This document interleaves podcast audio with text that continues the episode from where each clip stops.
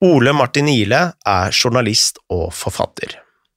Han er medforfatter på boken Mysteriet Norge – hvordan et fattigfolk i nord ble verdens rikeste, frieste og lykkeligste mennesker, skrevet sammen med Harald Eia, utgitt på Strawberry Publishing.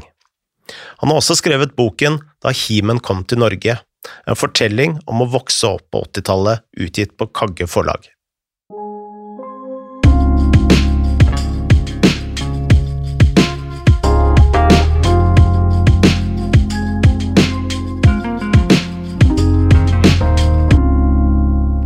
Er det da jeg skal si hello? Apropos 80-tallet. Ja, mener du at engelsk, altså en engelsk hei er mer 80-tallsk enn et norsk hei? Nei, nå tenkte jeg på låta, da. Live Richie. Ja, herregud, så dum jeg tenkte på Adele, jeg. Nei, det er jo ikke heller det. Jeg, jeg bare koblet ikke. Eller uh, Hva heter den eh, sangen igjen? Uh, Take a look at us now Nei. Take, a look at us now. Er det us eller me?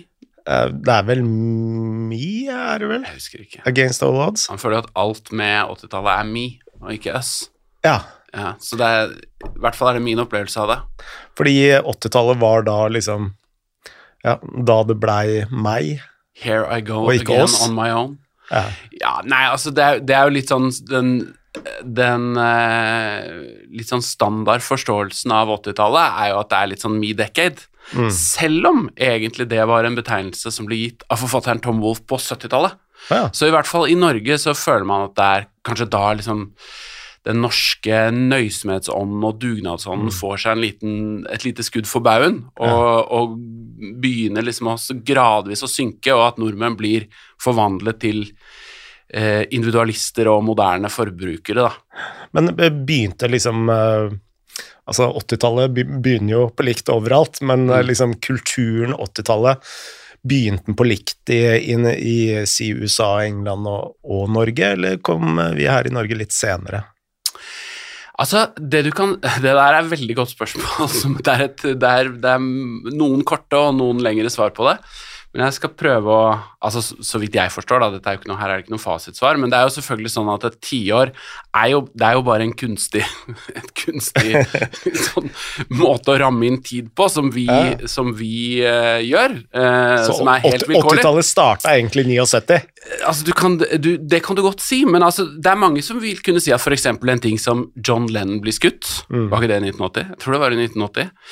Uh, Reagan blir president, det er kanskje 81, men i hvert fall så har du noen sånne markører som, som i USA eh, signaliserer en slags sånn 60- og 70-tallet blir tatt livet av med John Lennon, Mm. eh, og Reagan som er liksom arkitekten for jappetiden og, og høyrebølgen, på en måte.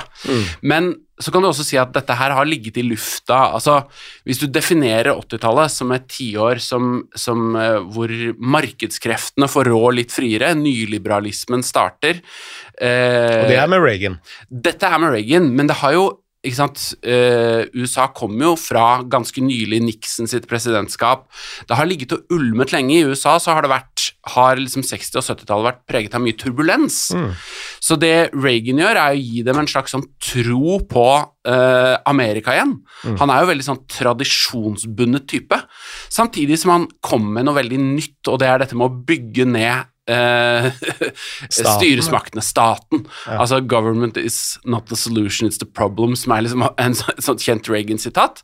Og hvor han kommer med et kobbel med nye økonomer og en del rådgivere som, som legger opp et helt nytt økonom, en helt ny økonomisk politikk enn hva man er vant til, hvor staten spiller en mye mindre rolle, og hvor det er skattekutt og alle disse tingene, og som også Thatcher eh, blir en, en talskvinne for i England, da, og som gjennomfører det, litt den samme politikken der, og Willoch i, i, eh, i Norge, kan du si. Men det har vært en slags misnøye internasjonalt, eh, sånn både i, eller i Vesten i hvert fall, med eh, en del ting på 70-tallet, altså litt sånn økonomisk. I Norge så får du et sånn press på det, det kommer en høyrebølge som ligger og lurer allerede på 70-tallet også.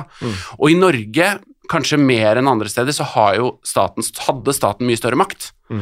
Så i Norge så ble den, den eh, vrangviljen mot staten vokste seg kanskje enda sterkere enn mange andre steder. For, eh, ja, nei, for jeg bare spør du. Nei, eh, nei, jeg bare altså Nå skal ikke jeg skryte på meg at jeg har lest uh, Halvard Nordakers uh, bok om uh, Høyre, men eh, jeg bare Ikke jeg heller, ikke heller. Jeg bare fant et eh, sitat på at eh, For å forklare litt av Høyres eh, fremgang da, Mm. eh, på slutten av 70-tallet og begynnelsen, så var det mange av, sånn som dine foreldre, da, gamle 68-ere, som så på eh, Høyre som uh, en motstand til staten. Altså det var eh, mange 68-ere som liksom kom inn på, på høyresida, og det overraska meg veldig. Og som konverterte? Så ja, som konverterte. Ja, ja, ja. Altså, det er jo en jappetiden. Når man tenker på jappetiden, så tenker man jo liksom på Gordon Gekko i Wall Street og sånne klysete, nyrike typer med vannkjemmet hår bakover og litt sånne exit-folk. Jeg var jo en av de. Var du det? Ja, Hvor altså, gammel er egentlig du? Altså, er du så- jeg er 75, eh, men, men som Du er barn, da. født i 75? Ja, altså, Du er ikke 75. Nei, jeg er født i 75. Ja. Um, Altså, du var en ungdomsjapp. altså, det, det, det var egentlig bare at faren min eh, er fra Snarøya, Mm, og det var jo liksom jappesentral selvfølgelig. Eh, i Norge, så, Mm. og moren og faren min var jo skilte, og moren min var fra Lørenskog og bodde på Mm. Lørenskog. Men så var jeg stort sett alltid eh, hos pappa i sommerferiene. Mm. Og han hadde jo selvsagt fått seg en kone som var flyvertinne, og var veldig opptatt av eh, klær og, og, og litt sånne ting. Da. Så med en gang jeg og broren min kom ut dit, så var det jo en tur til frisøren, og så var det å få på seg en rosa Lacoste, og så, så var det jo i gang, da. Mm. Og da var det jo vannkjemma, den vannkjemma sveisen, da. Ja, man så ut som små liksom sånne børsmeglere i miniatyr. Hun lærte meg det at eh, forskjellen på øh, hårsveisene på østkanten og, og vestkanten, vestkanten, det er at du på vestkanten så kutt, altså du klipper, det er kort i nakken, Mm. altså du bruker ikke barbermaskin. Ja, nettopp. Nei.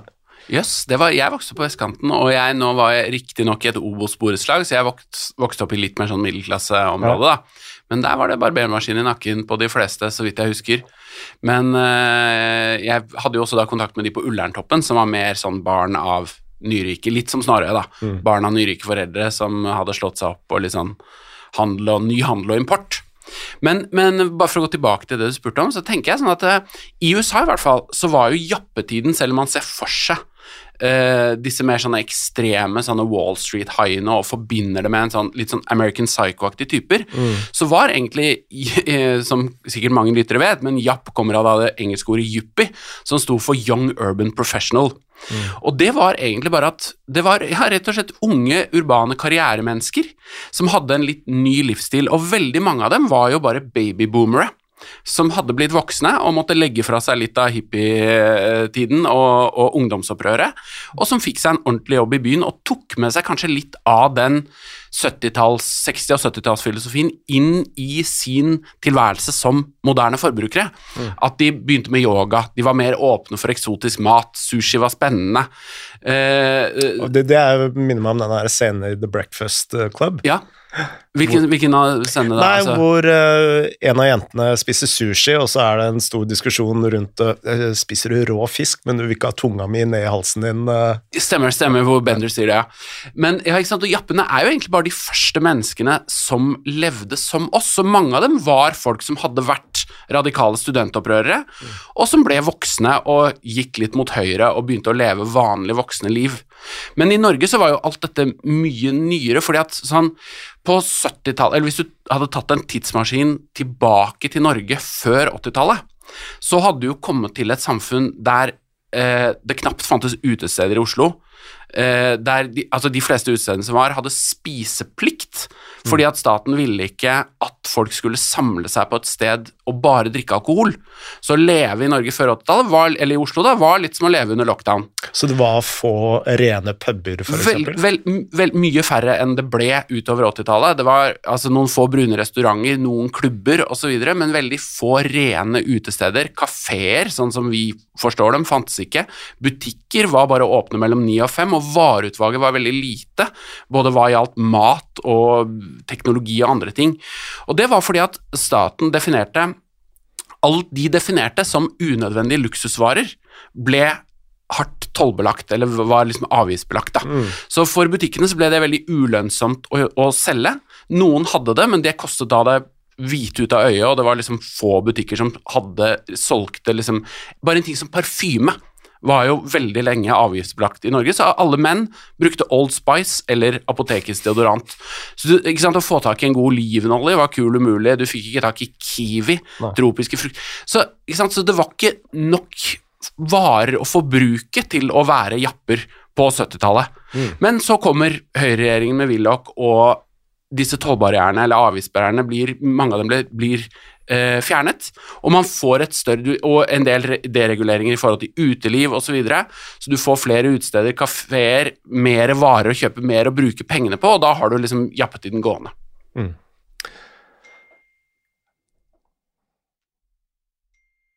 Det er dattera mi som Det eh, jeg sender melding. telefon, skjønner jeg, men greit. Uh, Jeg husker jo bare, bare for å ta en anekdote der, jeg husker jo dette Altså, jeg var jo liten på denne tiden, sant, på begynnelsen av 80-tallet, så for min del så husker jeg det best at det kom veldig mye leker. Fordi at i, eh, i Norge så var en av de tingene som var avgiftsbelagt i Norge, og som, som staten så på som unødvendig, det var mekaniske leker. Mm. Så selv om folk i USA og England lekte med, hadde tog som kjørte av seg selv, og, og leker som blinket og, og, og, og og, gikk på batterier, så var, det, så var det bare advokater som hadde, barn av advokater som hadde sånne leker i Norge før 80-tallet. Og så plutselig kom det en invasjon av roboter og radiostyrte biler og He-Man-figurer og whatnot. Så den på en måte eksplosjonen husker jeg. Det var litt sånn som om verden plutselig fikk farger. Altså, øh sånn geografisk så kommer vi jo fra litt sånn samme område, eh, men eh, du har jo altså, utdanna foreldre, det har jo ikke jeg. Uh, altså, jeg kommer sånn halvveis fra, på min mors side, den uh, trauste arbeiderklassen, og da tenker jeg ikke på den derre AKP, AKP-ML-bakgrunnen med bøker i bokhylla og Nei, det var ikke sjølproletarisert. Nei, altså det var Mamma jobba på, som bartender på Ekeberg-restauranten, Mm. uh, på Lompa, og så begynte hun å vaske. Og det var jo ikke en bok i uh, bokhylla der. Mm. Uh, det var liksom tomatsuppe og, og røkte pølser til middag. Og så, mens hos pappa så var det Pappa var Snarøya. han var snarøya Ja, mm. og, og, og var, var noe helt annet. Mm. Men uh, de var jo uh, nyrike, og altså, det var jo ikke noen bøker i, uh, i bokhylla der òg, og det syns jeg er veldig fascinerende med, med, med boka di. Altså det, det du skriver om din barndom med 68-eres eh, Mm. møte med, med 80-tallet, Mm. uh, som de kanskje ikke helt forsto noe av. Mm. Nei, og som de var Altså, jeg tror moren min Altså, bare bakgrunnen til moren min var egentlig Hun kom fra en litt sånn en familie som hadde vært rik en gang i tiden, Mm. altså fra Kristiansand, som var liksom De hadde, var såkalt plankeadel der, som drev med tømmer. Så det var litt sånn Farssiden hennes var sånn fornem familie.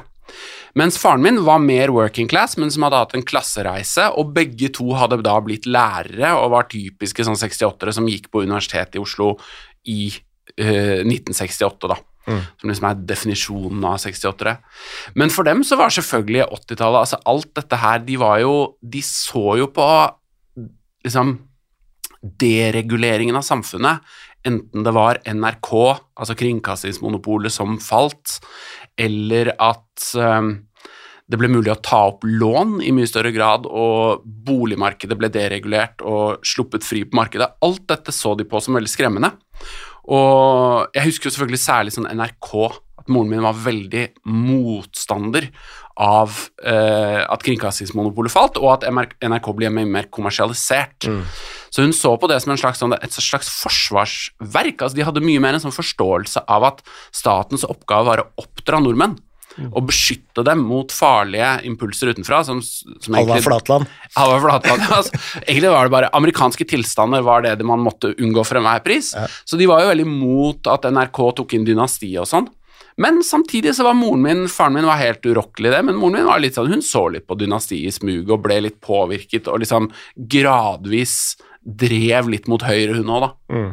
Jeg husker eh, Altså, det var jo ikke bare TV, men eh, jeg mener å huske at radio var i enda større grad eh, liberalisert og kommersialisert med masse nye radiokanaler og masse ny musikk eh, som eh, kanskje ikke var eh, fikk like mye plass på, på NRK, da. Og, Det sær, var- ja, og, mm. og særlig den uh, kommersielle musikken vi, vi liker. å Ja, ja, Radio 1 og Jørgen Slips og sånn var stort. Det er nok litt fordi at TV ikke sant, da, uh, i, I 82, da kringkastingsmonopolet falt, så ble det delt ut en altså, sånn det var lov å få konsesjon til å lage lokal TV og radio. Men lokal TV var jo jævlig mye pes å lage, så det var det veldig få som gjorde. Så det kom jo ikke noen ny norsk kanal før i 1988, som var TV Norge. Så det, det tok tid å stable på beina, mens radio, det var jævlig enkelt å lage. Det var bare å finne en eh, FM-bølge der og begynne å sende. Ja. Så der hadde det jo vært allerede mye sånn privat, eh, piratradioer og sånn. Så det var, det, der var det jeg, jeg husker det veldig godt, at det var der du liksom merket det derre nye, den nye vinden komme med liksom mm. superkommersmusikk, radiopratere som ikke hadde noe av det der Knut Borge-aktige sånn derre besserwisser, oppdra, sånn kulturbakgrunnen, men som bare skravla og hylte at yes, nå er det fredag. Endelig kan man. Så mer at radio ble en sånn Istedenfor å fortelle, lære, lære folk noe, så ble det en sånn energistrøm av bare folk som bare satt og babla. Altså, jeg har en Litt sånn som nå. Ja, Litt som nå, ja. Eh, Jeg har en eh, litt sånn tese som du eh, nesten må arrestere meg på. Og, og jeg har liksom alltid tenkt at altså, suksessen Norge og det moderne Norge på en måte ble skapt på 80-tallet. eh, Og det ble skapt i en sånn symbiose at venstresida og høyresida veksla på makta. Mm. Um, selv om det gikk jo veldig åt skogen med Norge eh, fra 87, var det vel, eh, med den såkalte bankkrisen. Mm. Eh, Men der var du helt uenig når vi snakka litt før sending her. Ja, altså egentlig bare fordi at jeg Altså sånn Jeg tenker at suksessen hvis, hvis du som det, du, mener da at suksessen til Norge handler om en slags sånn veksling mellom to partier, Mm. så kan du finne det samme mange steder, annet i USA. Mm. Og det er jo veldig få som sier at den topartimodellen i USA har gått veldig bra. Ja, Så, så i den grad uh, din tese er sann, så tenker jeg at, da, at de småpartiene spiller en veldig viktig funksjon med hele tiden å hale eh, Hale den uh, Ja, trekke venstresiden og En- en- høyresiden. Eneste forskjellen er vel at USA har vel ikke et rent sosialdemokratisk parti, da. Sånn Nei, det har de ikke. som- Det har de ikke. Så de allerede står på et litt annet sted på skalaen, det kan du si. Ja, Så Du har liksom et parti som eh, bygger velferdsstaten, Mm. og nå hører jeg bare høyrefolk si at eh, ja, men det var vi som starta Mm. velferdsstaten. Men eh, la oss si at venstresida starta Mm. den, da, så hadde du et Høyre som klarte å modernisere Mm. Landet på en eller annen måte som ja, så vi ikke endte opp som Mm. Venezuela i ytterste konsekvens. Ja, ja, ikke sant. Men jeg tenker jo at sånn eh, med Altså sånn Min forståelse av Norges suksess er veldig basert på den researchen som vi gjorde til Sånn er Norge, og hvor vi snakket med norske økonomer og samfunnsvitere, da, statsvitere og For, sånn. for du har skrevet en bok sammen med Harald Eie som heter 'Mysteriet Norge'. Ja. Hvordan et fattigfolk i nord ble verdens rikeste, frieste og lykkeligste mennesker. Ikke sant. Og den boka er jo eh, Det er en forlengelse av et TV-program som vi lagde for NRK som het Sånn er Norge, men som gikk på de samme tingene. Og vi prøvde å svare litt på hva er eh, Hva er liksom grunnen til at Norge har gjort det så bra.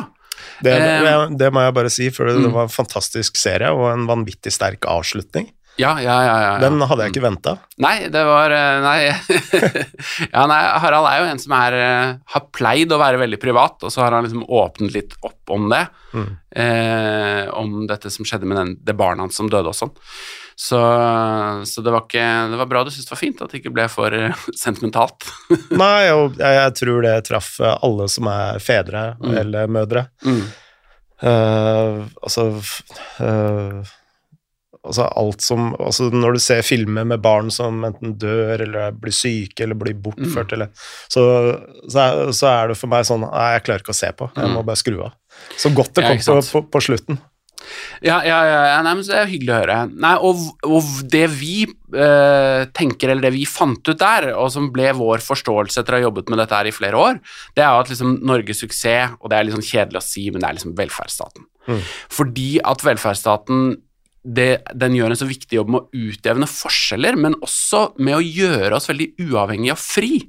Altså De andre samfunnene hvor, er, hvor, staten er svak, og det ikke er en velferdsstat som hjelper deg med utdanning, eller når du blir syk, eller når du mister jobben, så blir man veldig avhengig av andre mennesker. Mm. Man blir veldig avhengig av lokalsamfunnet, familie, foreldre. Mens i Norge og Skandinavia for øvrig så har man jobbet veldig bevisst med at individet skal være uavhengig av Barn skal være mest mulig uavhengig av foreldrene sine. Når du blir gammel, skal du også være mest mulig uavhengig av barna dine.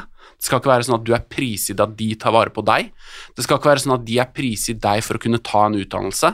Det skal ikke være sånn at når du mister jobben, så er du avhengig av dine foreldre eller, og, eller andre i familien for å få penger, osv.. Så, videre, så, så det gjør livene våre veldig mye bedre, og er en viktig del av liksom den den lykkeoppskriften som gjør at nordmenn generelt er veldig fornøyd med livene sine og, og rangerer høyt på lykkemålinger. Mm. Men så er det også den økono økonomiske suksessen. Eller bare for å ta det først, 80-tallet er jo da velferdsmodellen begynner å bygges litt ned. Så i, så i den forstand så er det liksom 80-tallet en slags sånn syndebukk for mange, da.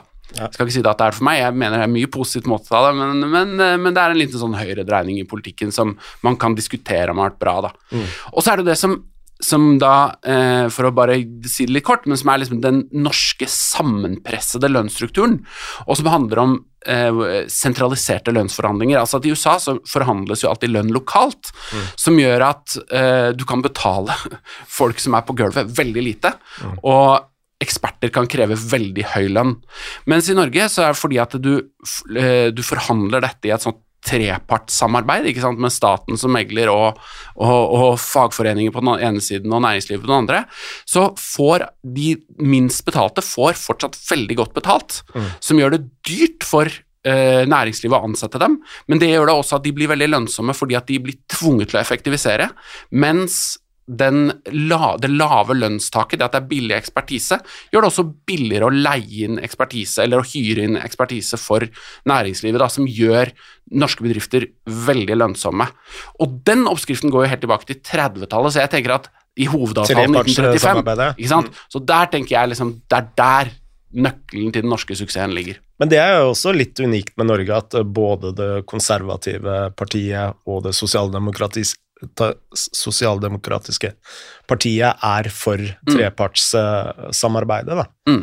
Det tror jeg er litt sånn særlig av at nå ser man at det fungerer. Mm. Og det er jo veldig sånn fantastisk med det norske Jeg vet ikke om det er et resultat av tillitssamfunnet, eller bare at samfunnsmodellen vår fungerer veldig godt, men at sånn, du ser at i andre land så er jo fagforeninger og eh, næringslivsorganisasjonene de er jo knapt på talefot. Mm. Mens når det er lønnsforhandling i Norge, LO og NHO, det er god stemning. Arbeiderpartiet og øh, Høyre altså Tross alt så er ikke norske, den norske partifloraen så, så utrolig polarisert. Det virker som, som det er ganske god stemning mellom Moren min er jo, eller var, mm. eh, LO-leder i et forbund som et uh, Norsk Arbeidsmannsforbund. Mm. Eh, og når hun gikk av uh, Nå er det vel to år siden. Mm. Så kom jo NHO på, liksom, og det var klemmer, og altså, skulle nesten tro det var bestevenner. Det, helt, det, altså, det blir jeg så glad for å høre. Jeg syns det er helt fantastisk. Og det samme med ikke sant, Du ser i sånn skrekkeksempel i USA, det handler ikke om, om det, mer om, mer om sånn politisk polarisering, men altså at sant, demokrater og republikanere som knapt snakker med hverandre lenger. Mm. Jeg føler at det er ingen på veldig få som i hvert fall tilhører et mainstream parti i Norge som jeg ikke kunne hatt en samtale med. Altså det Eller som jeg det, skal veldig mye til å provosere meg innenfor de rammene jeg føler at den politiske diskusjonen foregår på i Norge, da. Mm. Ja, det skal vi verne om. Eh, men eh, når vi ser på, tilbake på 80-tallet med politiske briller, da, så, eh, så Nå skal ikke dette bli en politisk podkast, men så altså man ser på 80-tallet som en sånn bekymringsløst, et bekymringsløst mm. tiår, men samtidig så er det jo noen veldig store politiske temaer som eh, som setter uh, ganske kraftig støkk hos mennesker. Du har atomvåpen, du har apartheid, du har den kalde krigen. Altså, det, er jo ganske mye ting. Mm. Absolutt, jo, men mange av de tingene der er jo sånn som blir De løser seg litt i løpet av 80-tallet også. Ja. Altså, den kalde krigen når et slags sånn frysepunkt, men blir også Blir også um, bedre i mm. løpet av ikke sant, er Gorbatsjov og Reagan, og ting ordner seg, liksom. Muren faller i 89, og, og man får en slags sånn en slags sånn eh, forbrødring mellom USA og Sovjetunionen, som nå er på vei fra hverandre igjen. Og samme med apartheid. Det er, jo nå, det er vel 90-tallet kanskje at det eh, blir slutt, eller slutten av 80-tallet, husker jeg ikke. Men, eh, men, det er jo et sånt, det er jo et, selv om eh, 80-tallet blir sett på som et sånn selvsentrert og grådig tiår, så var det også mye internasjonalt engasjement rundt sånne saker. Altså, Band-Aid, eksempel. Band-Aid, jeg skulle til å nevne det. Med sultkatastrofen i Etiopia. Apartheid var det veldig mye motstand mot, og boikott osv. Selv om ikke alle, Reagan blant annet, sluttet seg til det. Og heller ikke alle norske medieeiere. Nei, eh, hvem er det der igjen? Hvem er det som har svin på skogen der? Uh, vi vil la navnet, men uh, ja. La oss uh, bare si sfæren rundt Finansavisen og Kapital. Ja, det, er så, det, er ikke så, overraskende. Men de er, der føler man liksom at det er ikke av Der går liksom penger foran alltid. Så ja. de bare driter i er, om den politikken er helt uh, ute å kjøre, og det er noen grupper som diskrimineres, så vil ikke de drive og legge press på det, for de skal bare tjene penger. Men uh, når vi snakker om rasisme og sånn, én ting som du skriver i boken din, Uh, som ikke jeg tenkte over, men det er jo hvordan uh, svarte blir beskrevet i, i filmer og TV-serier, blant annet. Som mm. fra å gå og være veldig skumle på 70-tallet, og så skriver du at uh, de blir liksom fremstilt mer koselig på 80-tallet, mm. og så kommer 90-tallet hvor de blir fremstilt som skumle igjen. Ja, du har liksom 70-tallet som er den derre black power-estetikken i svart mm. musikk, hvor svarte er sinte og militante og veldig politiske. Der uh, Malcolm X har tatt over for uh, ja, Nå døde han på 60-tallet, da. Men litt den skolen etter Malcolm X har tatt over litt for Eh, for Martin Luther King og den fredelige, fredelige delen av den ikke-voldelige borgerrettighetsbevegelsen, mm. og svarte er blitt mer militante. Og de er veldig stolte av det å være svarte. Det er mye bar, glinsende svart hud, det er store afroer osv. osv. Og på 90-tallet så har du en ja, da har du mer den gangsterrap-greia, hvor også svarte er skumle, men på en mer ikke-politisk og uh, mer sånn gettoaktig måte.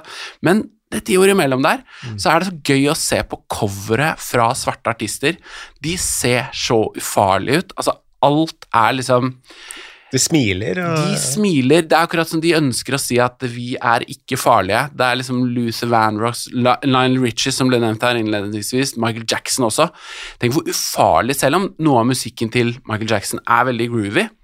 Og svart på en måte så var den veldig mainstream. ikke sant? Var, svarte artister var utrolig opptatt på 80-tallet å ha crossover-suksess. Mm. Det var liksom hele MTV-skolen. De skulle inn, de måtte slå an hos et hvitt publikum, og da det, ble det plutselig viktig å tone ned det svarte imaget. Michael Jackson gjorde det. Første singelen fra uh, Thriller er, er, det er um, The Girl Is Mine. Det er ikke Birit, ikke sant? De kjører på med en mm. snill duett med Paul McCartney. Ja. Whitney Houston er selvfølgelig klokkeklare eksempler på det, som blir liksom striglet opp en sånn, egentlig litt sånn getto-gospel-dame ja. som blir pynta opp for et hvitt publikum. Men uh, Thriller-albumet det ble produsert av Quincy Jones, ikke sant? Ja, ja, ja. Mm. Mm.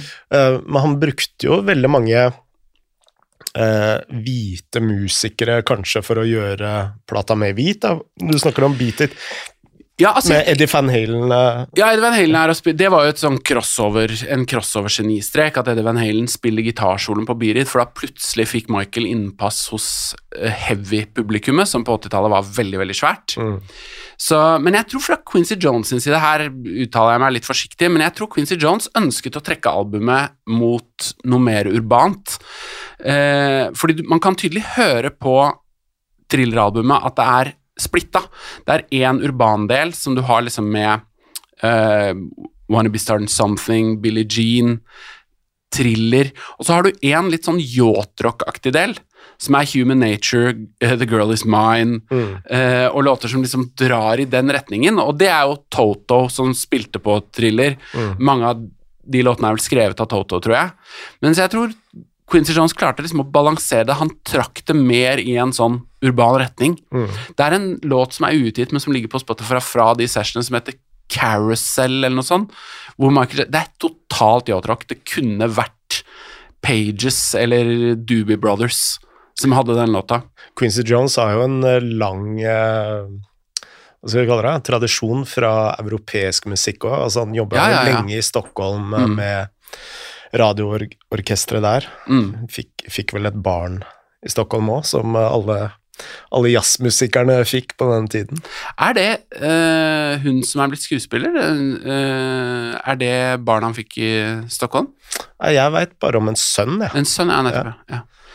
Men eh, ja, uansett, jeg tenker med Quincy Jones så tror jeg at han ikke tenkte så mye sånn at han skulle bruke hvite musikere. At han var bare Han brukte de beste musikerne, det tror jeg han var liksom opptatt av. Eller de han jobbet bra med, og det var liksom Jeff Porcaro og Toto-gutta mye. Eh, og så tror jeg han de klarte liksom å treffe en bra balanse mellom noe hvitt og, eh, og svart, og det ble liksom bare Det ble blueprinten på hvordan svart crossover-musikk skulle være. Altså, svart pop ble liksom definert ut fra det albumet. En ting eh, som kanskje er det mest karakteristiske med 80-tallsmusikk, er jo trommemaskiner. Mm.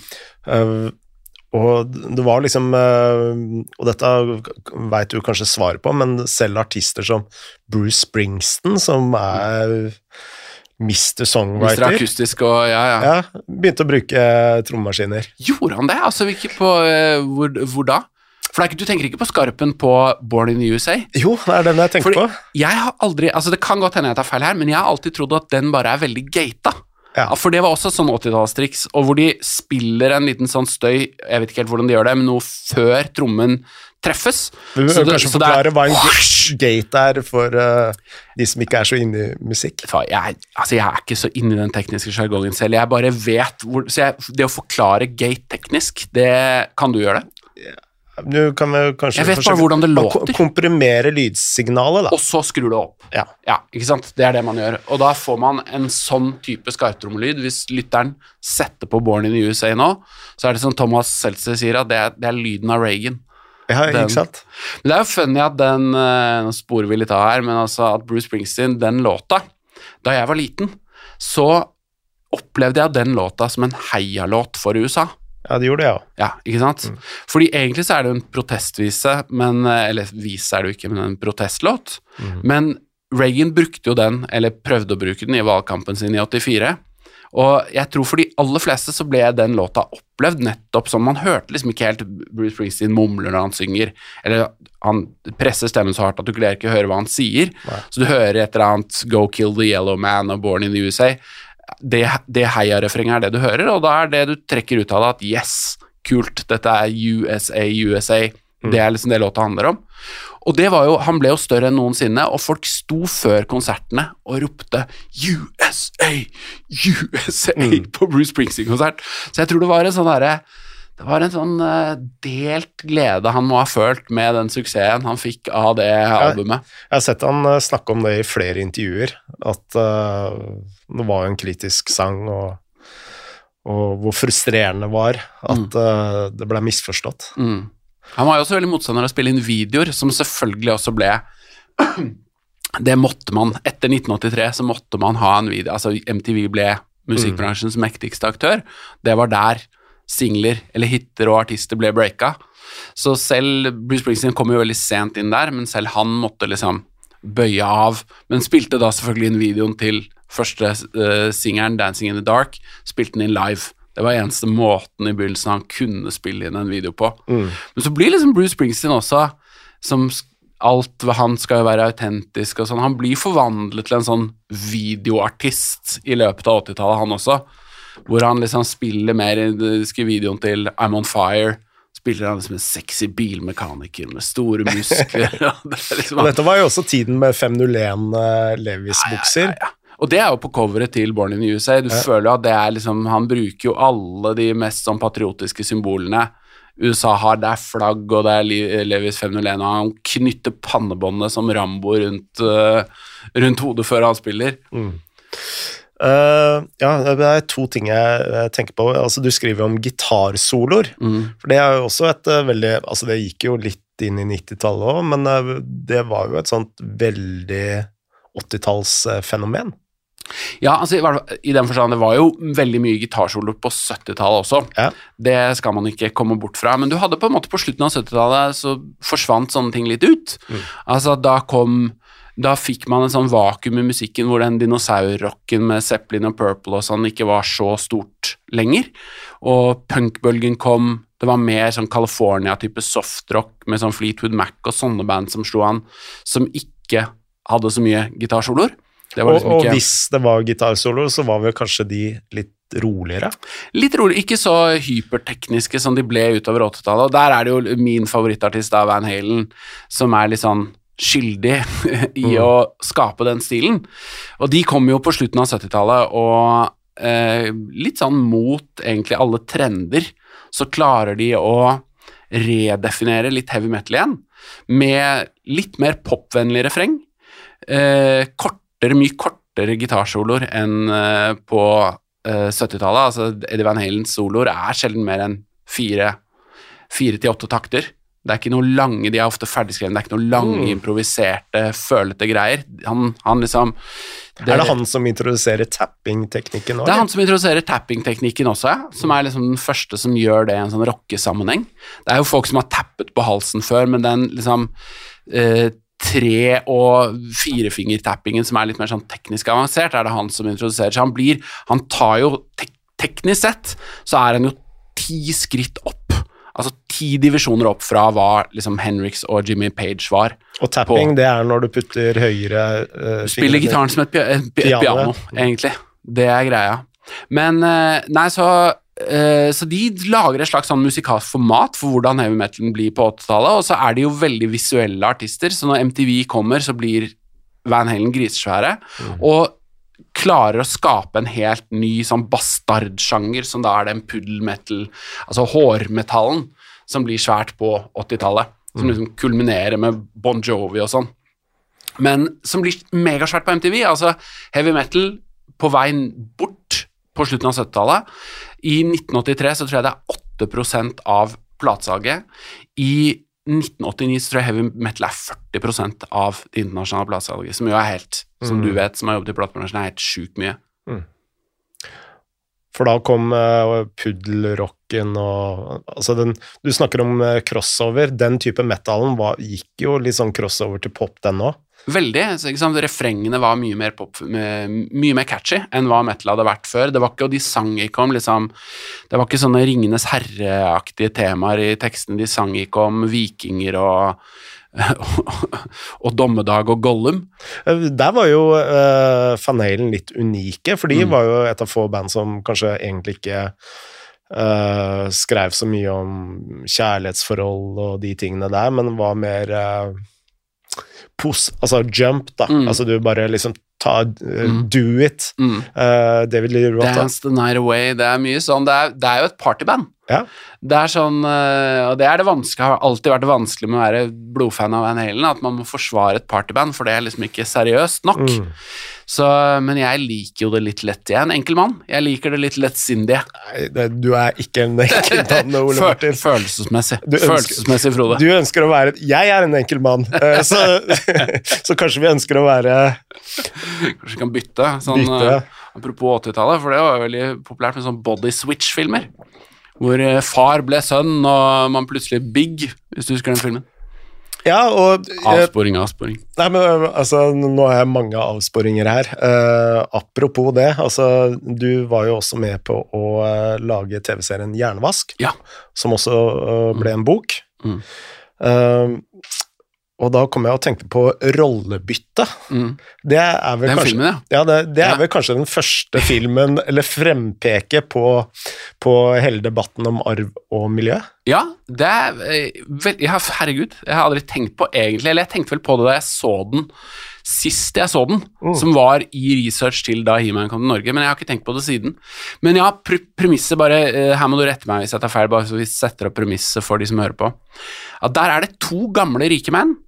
Ja, brødre. Som, to brødre er det, som eier et firma, og så er det en som er litt sånn har en litt sånn eh, BF Skinner-aktig hypotese om at hvem som helst han kan, han kan få hvem som helst til å lede det firmaet, eller noe sånt. Mm. Han kan plukke opp en fyr av gata, fra gata og få han til å gjøre suksess. At dette handler bare om å bli kultivert, Mm. altså miljø. Og så er det broren som mener at det er helt umulig Så inngår de i et veddemål. et veddemål, og det de gjør da, de bytter, det er to som bytter, de klarer å plassere en, altså de framer en som jobber der, som er spilt av Dan Aykroyd, som er en litt sånn gammel litt sånn eh, wasp-type, litt sånn eh, adelig i anførselstegn eh, familietavle, eh, som de får arrestert for sett, framer han blir arrestert og på, eh, havner på gata, og så plukker de opp Eddie Murphy fra gata, og setter han til å styre bedriften, eller noe sånt. Er det ikke det som er greia? Jo, det er Ja. flott, det. Stemmer. I dag, vil det, I dag vil alle bruke, av flere grunner, om den filmen ordet problematisk. Ja, det er jo mye som ikke er gangbart eh, i 80-tallsfilm generelt. Jeg husker den filmen har også en scene Nå husker jeg ikke helt hvordan det ender, men det er, hvem, er det, hvem av disse brødrene er det som får bevis sin uh, Får rett? Ja, altså, uh, Eddie Murphy gjør jo suksess. Han gjør jo suksess, Ja. men det ender med at Eddie Murphy og Dan Aykroyd tar hevn. Ja, de og, går sammen. Ikke sant? Og på disse, mot disse brødrene. Og en av de tingene de gjør da, jeg husker ikke hvorfor de gjør det, men der er det en blackface-scene med Dan Aykroyd, Stemmer. som selvfølgelig hadde vært problematisk i dag. Men det er også noe annet der som nesten oppleves som enda mer rasistisk, og det er Eddie Murphys sånn karikatur av en student fra Kamerun. Fordi det er akkurat som på den tiden så var svarte ble veldig kule på 80-tallet. Men det var afroamerikanere som var kule. Afrikanere kunne man fort, de var fritt vilt, de kunne man kødde med. De hadde liksom ikke den coolnessen. Og det Eddie Murphy har masse sånne sketsjer hvor han kødder med afrikanere. Han har jo en hel film, Made in America. Ja, ja, ja, ja selvfølgelig. Altså, Made in America, ja. Den føler jeg er litt mindre, for den så jeg for ikke så lenge siden. Den, ikke, den oppleves ikke for meg spesielt rasistisk, men han hadde noen Saturday Night Live-karakterer som var sånn naive, superblide afrikanske eh, afrikanere, som oppleves i dag som mye mer sånn Det kunne du ikke sendt på, på TV i dag. Nei, eh, men eh, bare for å avslutte dette med musikk, da, og crossover til eh, film, så var, var jo også da tiden hvor eh, eh, de som lagde filmer, satsa mye på musikkvideoer, og var veldig sånn crossover til eh, til musikken, fordi med, med MTV så var jo det en sånn fin markedsføringskanal for Mm. eh, filmene. Mm. Eh, Danger Zone med Top Gun Mm. eh, er vel det første jeg tenker på. Ja, og det er jo Top Gun er jo da den uh, kjente produksjonsduoen uh, uh, Jerry Bruckheimer, er det vel han heter, og Ah. John Simpson eller sånn. Brookhammer og Simpson er det i hvert fall de heter et eller annet på Det det. er vel Tony Scott som har regissert Regissert, ja. Ja. Men, men det, det er liksom de produsentene er nesten mer kjent, fordi at de Ja. var så Det var liksom inkarnasjonen av jappetidens hedonisme. Bare Altså sånn, dette her Hadde, hadde ikke Don Simpson dødd han, han er død, Mm. men han er Det hadde vært en Jeg tror det er en historie bak der som er verre enn Harvey Weinstein. Altså sånn Alle kvinner som fikk roller i hans filmer, ble Måtte tilby noe ekstra til han. Mm. Eh, det er en veldig, veldig morsom eh, eh, biografi skrevet om han som heter High Concept. Helt forferdelig, men også veldig morsomt. Men han er, var en ravende gæren narsissist. Alltid høy på kokain. Eh, hadde et storforbruk av prostituerte og sovepiller og alt som var. Opererte penisen sin for å få den større. Det var, det liksom, var gjennom alt. Men han produserte eh, Flashdance, Mm. eh, Top Gun og Days of Thunder, Beverly Hills Cop. En del sånne store høykonseptfilmer, som det ble kalt på 80-tallet. da. Og han var tidlig, eller de var tidlig ute med å bruke musikkvideoer. I Flashdance så er det jo masse scener som bare er musikkvideoer. Og det er som du sa? Det, kunne bare, det kunne bare pakkes inn og være ferdig musikkvideoer på MTV som reklamerte for filmen. Så det var jo, Og du ser det også, Miami Vice altså helt, Jeg så en Miami Vice-episode her forleden. Helt sprøtt å se. Det er, du, du, det er plutselig en scene hvor de kjører bil i fire minutter mens Phil Collins synger. Stemmer det. Det er en episk eh, scene. Ja, he helt episk scene, men det, er, og, men det er liksom produsert som en MTV-greie. Så det er, I dag så oppleves det veldig absurd med alle disse pausene eh, 80-tallsfilmene har, hvor de liksom bryter ut i sang og musikk. Du kaller det montasje. Montasjer, det er bare sånn Du klipper sammen masse, at heltene gjør masse ting. Ikke sant? Sånn typisk sånn i Dirty Dancing, lærer seg å danse. Så er det liksom bare en sånn Så, så er det en tidslinje som er klippet sammen med masse Altså en montasje av forskjellige scener, og bare med en catchy poplåt til. Eller Karate Kid. Eller Karate Kid, selvfølgelig, når de Wax on. trener. Ja. Så er det sånn, sånn det gjør, Ingen gjør jo det i film lenger, men jeg husker på 80-tallet, jeg synes det var de, det var de kuleste delene av hele filmen. Ja, du får en sånn der, god følelse av å se på det. Jeg elsker det fortsatt, fordi 80-tallsfilmen kan jo mange av dem er litt kjedelige å se i dag. De går litt tregere og sånn, men bare se, montasjene går aldri lei av. uh, Tony Scott-filmene er vel en av få, få regissører hvor det går litt kjappere. Ja, altså det, for er han har vel Gun. bare én eh, film på 80-tallet. Hvilke flere er det han har etter uh, Top Gun, da? Enemies of the Gate og Ja, ja, det er 90-tallet, ja. ja, ja. Spy Game, men da er vi jo langt ut. Det er, det er jo filmer som går jævlig kjapt på 80-tallet. Altså det skal si sånn Back to the Future er et veldig sånn tight eh, Et tight manus som går veldig hurtig unna. Så det er jo filmer der, og bare en sånn Indiana Jones, første filmen fra 1981, liksom, den, den går kjapt. Men det som um, og Ofte sånne actionfilmer og sånn, så er jo effekten er jo så lite spektakulær i dag. ikke sant? Bare at noen krasjet en bil, var jo liksom wow på 80-tallet. For alt måtte foregå Ingenting ble dataanimert. Så da var du liksom avhengig av stuntmenn og sånn, og det, kameravinkelen og hurtigheten i det er, det er ikke helt det samme. Men, eh, men Top Gun oppleves som en film den er, Må se den om igjen. Altså. Den er rar å se i dag, for den handler liksom ikke om noen ting. Nei. Det er bare når folk skal gå på en skole for å lære seg å fly, jage fly og spille volleyball i bar overkropp. Det er, helt, det er helt absurd. De er jo aldri i noen kampscener med russiske fly, for det var for kontrasielt. Ja. Så det er liksom Det er en sluttscene hvor de har noen russiske fly på halen, men det er ingen som skyter på hverandre. Men er det Altså, jeg har sett veldig få av de 80-tallsfilmene Mm. på nytt igjen, det må jeg ærlig innrømme. Men, uh, men er er de litt sånn preget av amerikansk propaganda òg, eller er det bare noe man har skrevet om? At uh, filmindustrien er liksom styrt av CIA og Nei, altså det, det er litt Jeg vil si både ja og nei. Altså, Hvis du tar Top Gun, så så fikk jo Top Gun mange, mange millioner fra amerikansk militære. Ja, fordi Eh. det, gru- grunnen til at jeg leste uh, en sak i helgen uh, om uh, dette selskapet The Warner Group, har du hørt om det? Mm. De russiske para paramilitære leiesoldatene som, som er mye nede i Afrika, Ja, for ja, ja, ja, ja, nettopp. Mm. Nei, fordi de har nå finansiert en film i eh, den sentral... Rep sentralafrikanske republikken. Mm. Eh, en film som heter Tourist, og dette har blitt en sånn blockbuster der, da. Mm. Og den er jo finansiert av Russland, og en av de mest sette filmene i 2021 er jo også en kinesisk propagandafilm med en del amerikanske skuespillere, hvor amerikanerne blir da portrettert som uh, store jævelen, da. Eh, Og da snakker du ikke om eh, den eh, Squid Game, Jeg snakker ikke om Squid Game. som er koreansk for øvrig. Ja. Men jøss, dette, dette visste jeg ikke. Men det er veldig gøy. Jeg vil si at sånn på 80-tallet, ja, de, mange av de filmene oppleves som veldig sånn ublu USA-propaganda sammenlignet med hva man ville gjort i dag. fordi at I dag ville alle sett gjennom det. Rambo fremstår som total Altså ikke den første, men de to neste. Det, det er totalt karikert i dag.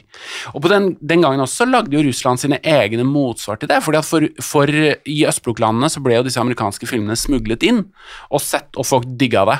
Så de måtte ha et svar, og da finansierte eh, Russland sine egne sånne Rambo-aktige filmer. Problemet med de filmene, for det så jeg også litt i res- researchen, jeg husker ikke hva de heter, heter sånn derre Jeg har glemt litt titlene. Men eh, eh, problemet er at i liksom, den russiske propagandaen så er det systemet som er helten. Mm. Du kan ikke ha den der amerikanske individualismen hvor det er fordi at alle de amerikanske actionfilmene handler om at systemet har gått galt, og så er det én fyr som kommer og rydder opp. Som bare tar loven i egne hender og bare gjør det på sin måte. Det synes, det digger vi i Vesten. Syns det er kult. Men det var helt umulig i de russiske filmene, så de oppleves veldig Det er veldig rart å se dem, for du er så vant til det formatet, og så er det liksom sånn her er det plutselig alle som gjør en stor innsats, og alt fungerer, og alt klaffer.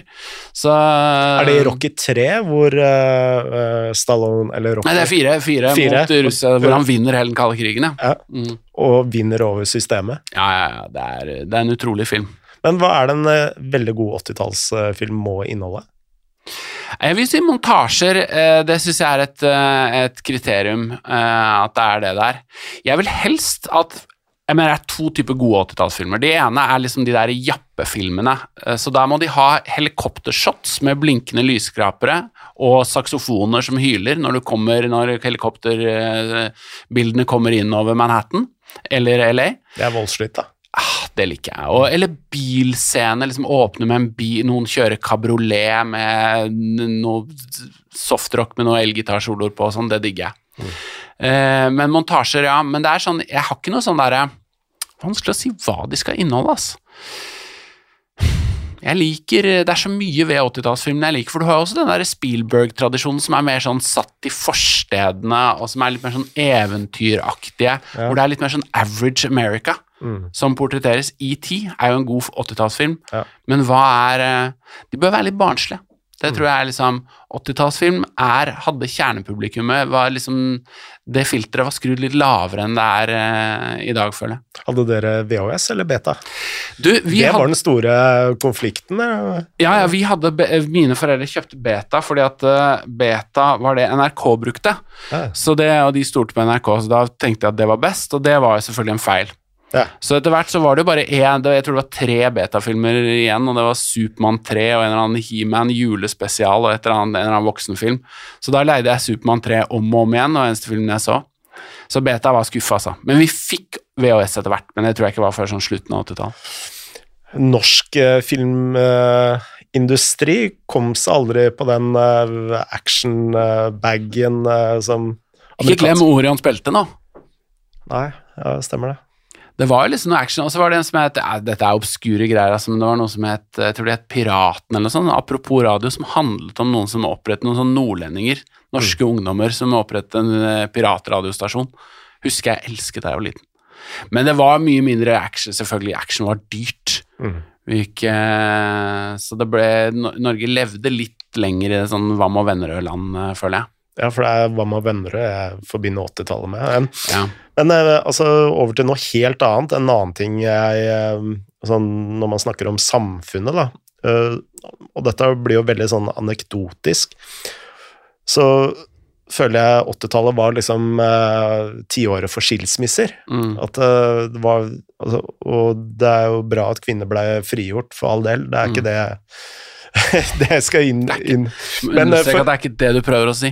Er ikke det jeg prøver å si. Eh, men eh, det kombinert med veldig mange fraværende foreldre, Mm. og det har jo både du og jeg opplevd, altså eh, fraværende foreldre, og, og, men hva har det å si for dagens samfunn, at vi har nå veldig mange på vår alder som har vokst opp med fraværende fedre?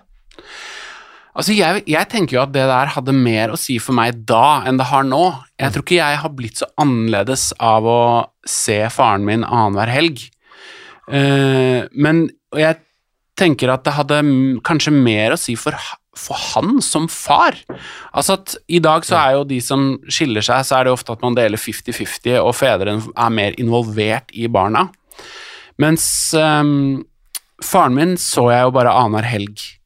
Og Så han hadde liksom ikke noe Han følte nok alltid på at hans ansvar for meg lå på et litt annet nivå. Ikke så mye som liksom en oppdrager, som at han bare skulle ja, passe meg i den helgen. Så han fikk lov til å være en litt mer fraværende farstype også når han var sammen med meg, Mm. enn han jeg tror han ville vært hvis han hadde sett meg eh, Altså hvis det hadde vært en delt sånn 50-50-ordning mellom han og mamma. Så jeg tror at det man det, det den ordningen gjorde, var at de skapte altså at de fortsatte den der litt sånn gammeldagse måten å være far på. Ja.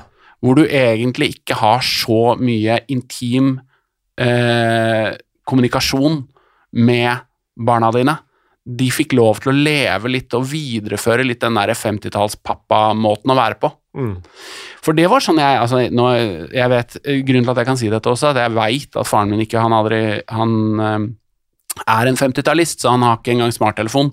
Mm. Han har, kommer ikke til å høre på noen podkast, det kommer ikke noen av vennene hans til å gjøre heller.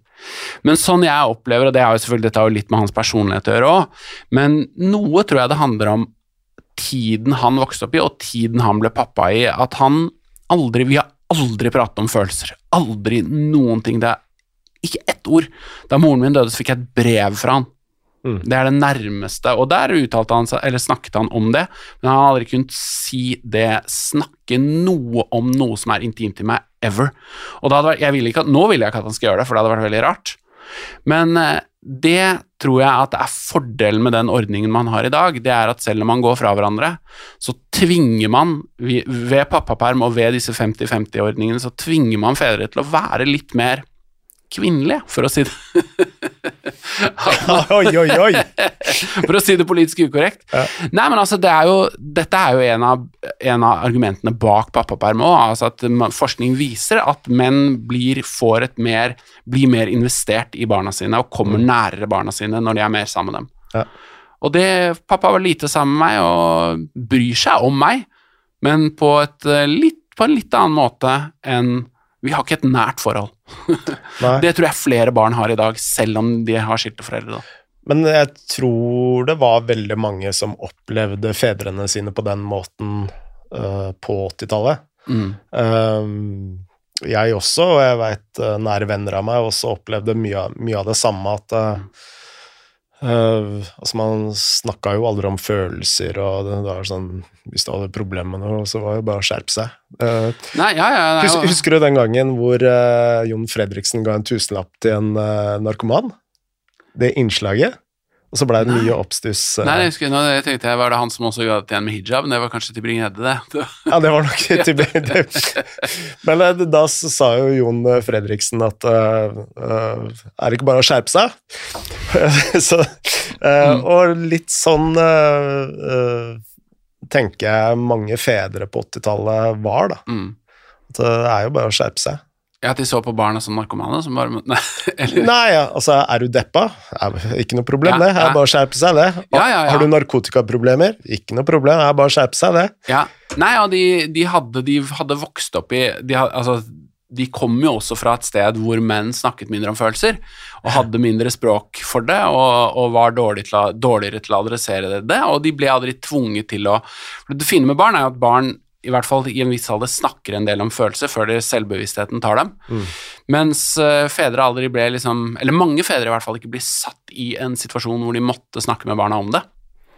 Eh, og det ble jo ikke faren min. Og faren min var jo en type som snakket lite i det hele tatt. Sånn merkelig ting som jeg føler også er, er totalforandret i dag. Det er jo at barn, når man reiser på ferie, så er alt skreddersydd til barnas behov. Så man drar dit, og det er litt fordi man skjønner at det er best å dra dit barna har det, har det gøy også. Men som liten så opplevde jeg at feriene, i hvert fall med pappa, det var mer at da var jeg med han på ferie. Det var hans liv, og jeg måtte bare ta det som kom. Så da ble, var det liksom fjell to uker i sommerferien hvor jeg dro og fiska sammen med han ut på Hardangervidda og bodde i telt, og bare med han og bikkja ofte. Det kunne være en uke. Og sånn å kjøre bil opp der hvor han satt og røyka i bilen med en bikkje som satt og pusta bak seg. Jeg har bare sånn minner av å være bilsyk og måtte stoppe og kaste opp fram til ferien, og så sitte liksom med et telt og fiske, for det var jo ikke noe annet å ta seg til der, men med en far som også pratet veldig lite, som var litt sånn fåmælt type, som satt og grynta ved bålet. Hva gjorde du på de feriene da? Nei, altså, det var, jeg, jeg, jeg, husker bare at jeg kjeda meg, liksom. Mm. Men jeg godtok det. Jeg, fisk, jeg syntes det var gøy å fiske. Men det var jo jævlig Jeg tror vi kjeda så utrolig mye mer enn det barn gjør i dag. Det er jo litt interessant at du er så opptatt av friluftsliv og sånt eh, nå. Jeg, Mm. altså, jeg følger deg jo litt på sosiale medier, og det er jo fjellklatring og alt mulig. Ja, Altså, ja, det drev riktignok ikke faren min for det, faren min med, for han var mer en sånn Gerhardsen, sånn Arbeiderparti-type som mente at man skulle drive med ting som var nyttig. ja. Og da var fisking var nyttig, men fjellklatring Så jeg har jo lagt fiskingen på gått, på hylla og gått for noe mer sånn unyttige. Ja. Formålsløse. Friluftsliv er mer min greie. Jeg måtte være stort sett med på seilturer, og pappa Ja. var jo sånn konkurranseseiler. Så vi dro jo på sommeren, da. På Hanke var vi mye, og han seila jo litt med kong Olav. eh, Sånn såkalt fem og en halv meter. Eh, Men jeg var jo, selv om jeg hadde liksom fått full opplæring i seiling siden jeg var ganske liten, så var jeg jo helt håpløs. Ja. Så jeg klarte å krasje en seilebåt, og til slutt så fikk jeg bare være hjemme.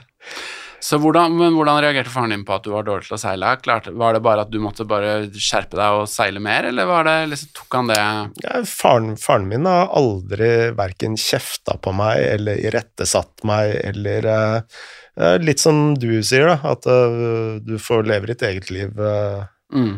på, på mange måter. Mm. Så Så det var ikke noe skuff at du ikke ble god til å seile? Nei, altså, når jeg starta Grinda fotballmagasinet mitt, eksempel, Mm. Josemar, Mm. så husker jeg han spurte meg er det noe penger i det, Frode. Ja, Og så sier jeg nei, ikke noe særlig. Mm. Og da svarer han bare 'idiot'. så det er Men det, det, er, det er ikke så det er, det er rart å forklare det ordentlig òg, fordi det er ikke noe vondt ment. nei, Det er litt sånn eh, Den generasjonen er litt sånn. Mm. Eh, Men det jeg merka mest fra min egen oppvekst, det er mer den store forskjellen på ikke nødvendigvis bare øst og vest, i og med at jeg har bodd på både øst- og vestkanten, men når jeg var 11-12 år, så flytta mamma ut på landet, Mm. ut i Enebakk. Mm. Og den eh, reisen fra liksom Snarøya, Lørenskog, Enebakk, den var stor. Mm. Og, og eh, særlig med tanke på mobbing og vold og, Mm. og sånt som man ikke tok tak i i skolen på samme måte som man gjør i dag. Mm. Nå kan det være elever Eller da kunne man liksom finne elever, særlig uh, nye innvandrere. Mm. Uh, jeg husker uh, bygdas første pakistaner Mm. flytta til Enebakk samtidig som meg. Mm. Og nå kjenner jeg vedkommende den dag i dag, og jeg veit jo hvor mye han har slitt med de Altså den mobbingen han har vært utsatt på, og den var, var så mye styggere da ute på landsbygda Mm. enn det den ville ha vært på både vestkanten og østkanten her i Oslo-området. Ja, det er interessant å høre, for jeg har også alltid tenkt på det skrevet om i den eh, 80-tallsboka mi òg, om mobbing. fordi at Nå skal man være forsiktig og liksom si at mobbingen var så, ikke er ille i dag, for det er den jo sikkert. Men det som jeg er ganske sikker på, var som du sier, at den ikke ble tatt så mye tak i. Mm. Så eh, hos oss så var det eh, ironisk nok, fordi at jeg vokste opp på vestkanten hvor det nesten ikke var noen innvandrere, men de som var innvandrere, ble ikke så mye mobba, faktisk. Mm. Men eh, litt, så klart.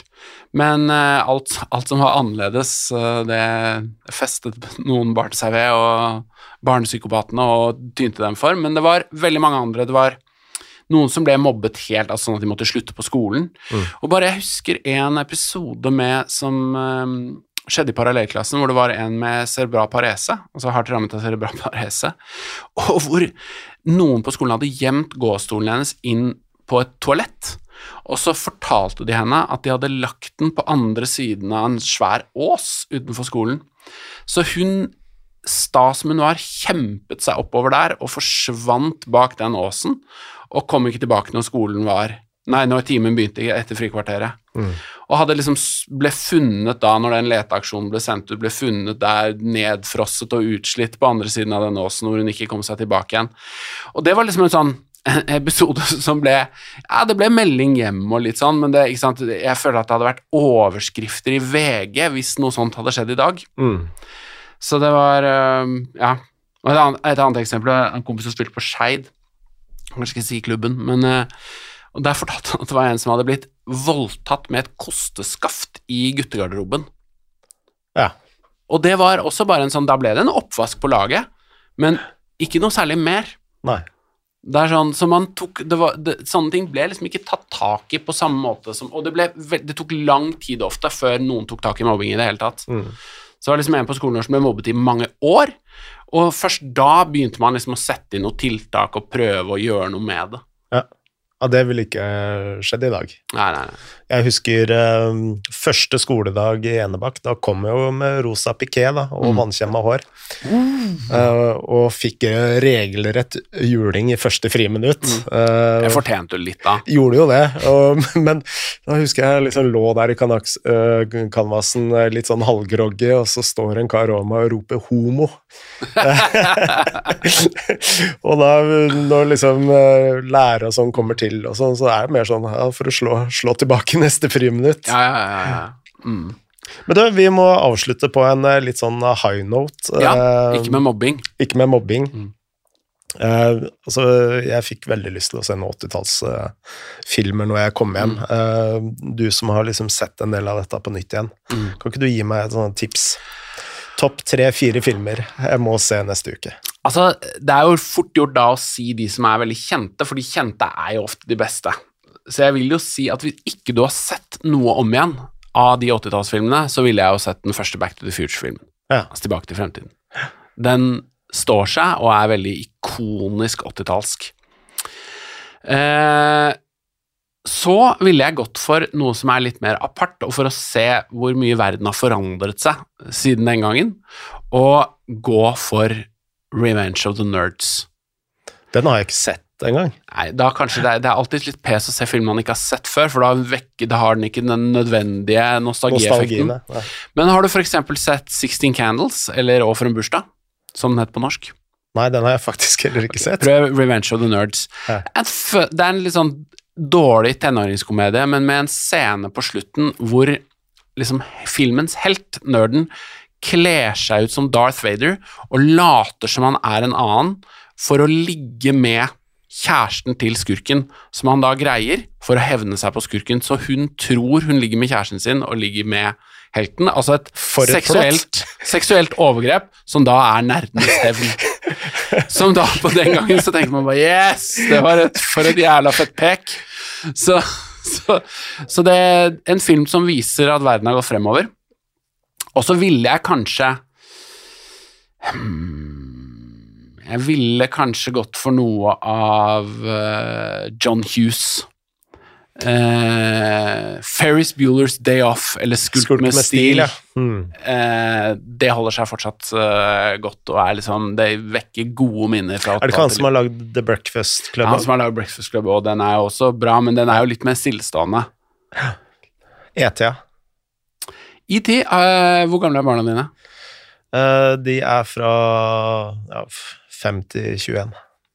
Ja, han på 21 er litt for gammel, eller hun. Hun. Uh, fem er litt lite. Men når det er sånn ti, så vil jeg sett det med barn. Jeg gleder meg til å se disse filmene med barn. Ja. For jeg tror ikke Men du må selvfølgelig da se det med dem før de har sett altfor mye nytt, for da blir det kjedelig. Men IT er en, en varm, fin film, men den bør ses med barn, tror jeg.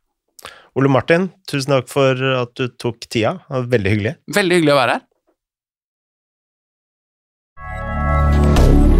Moderne media.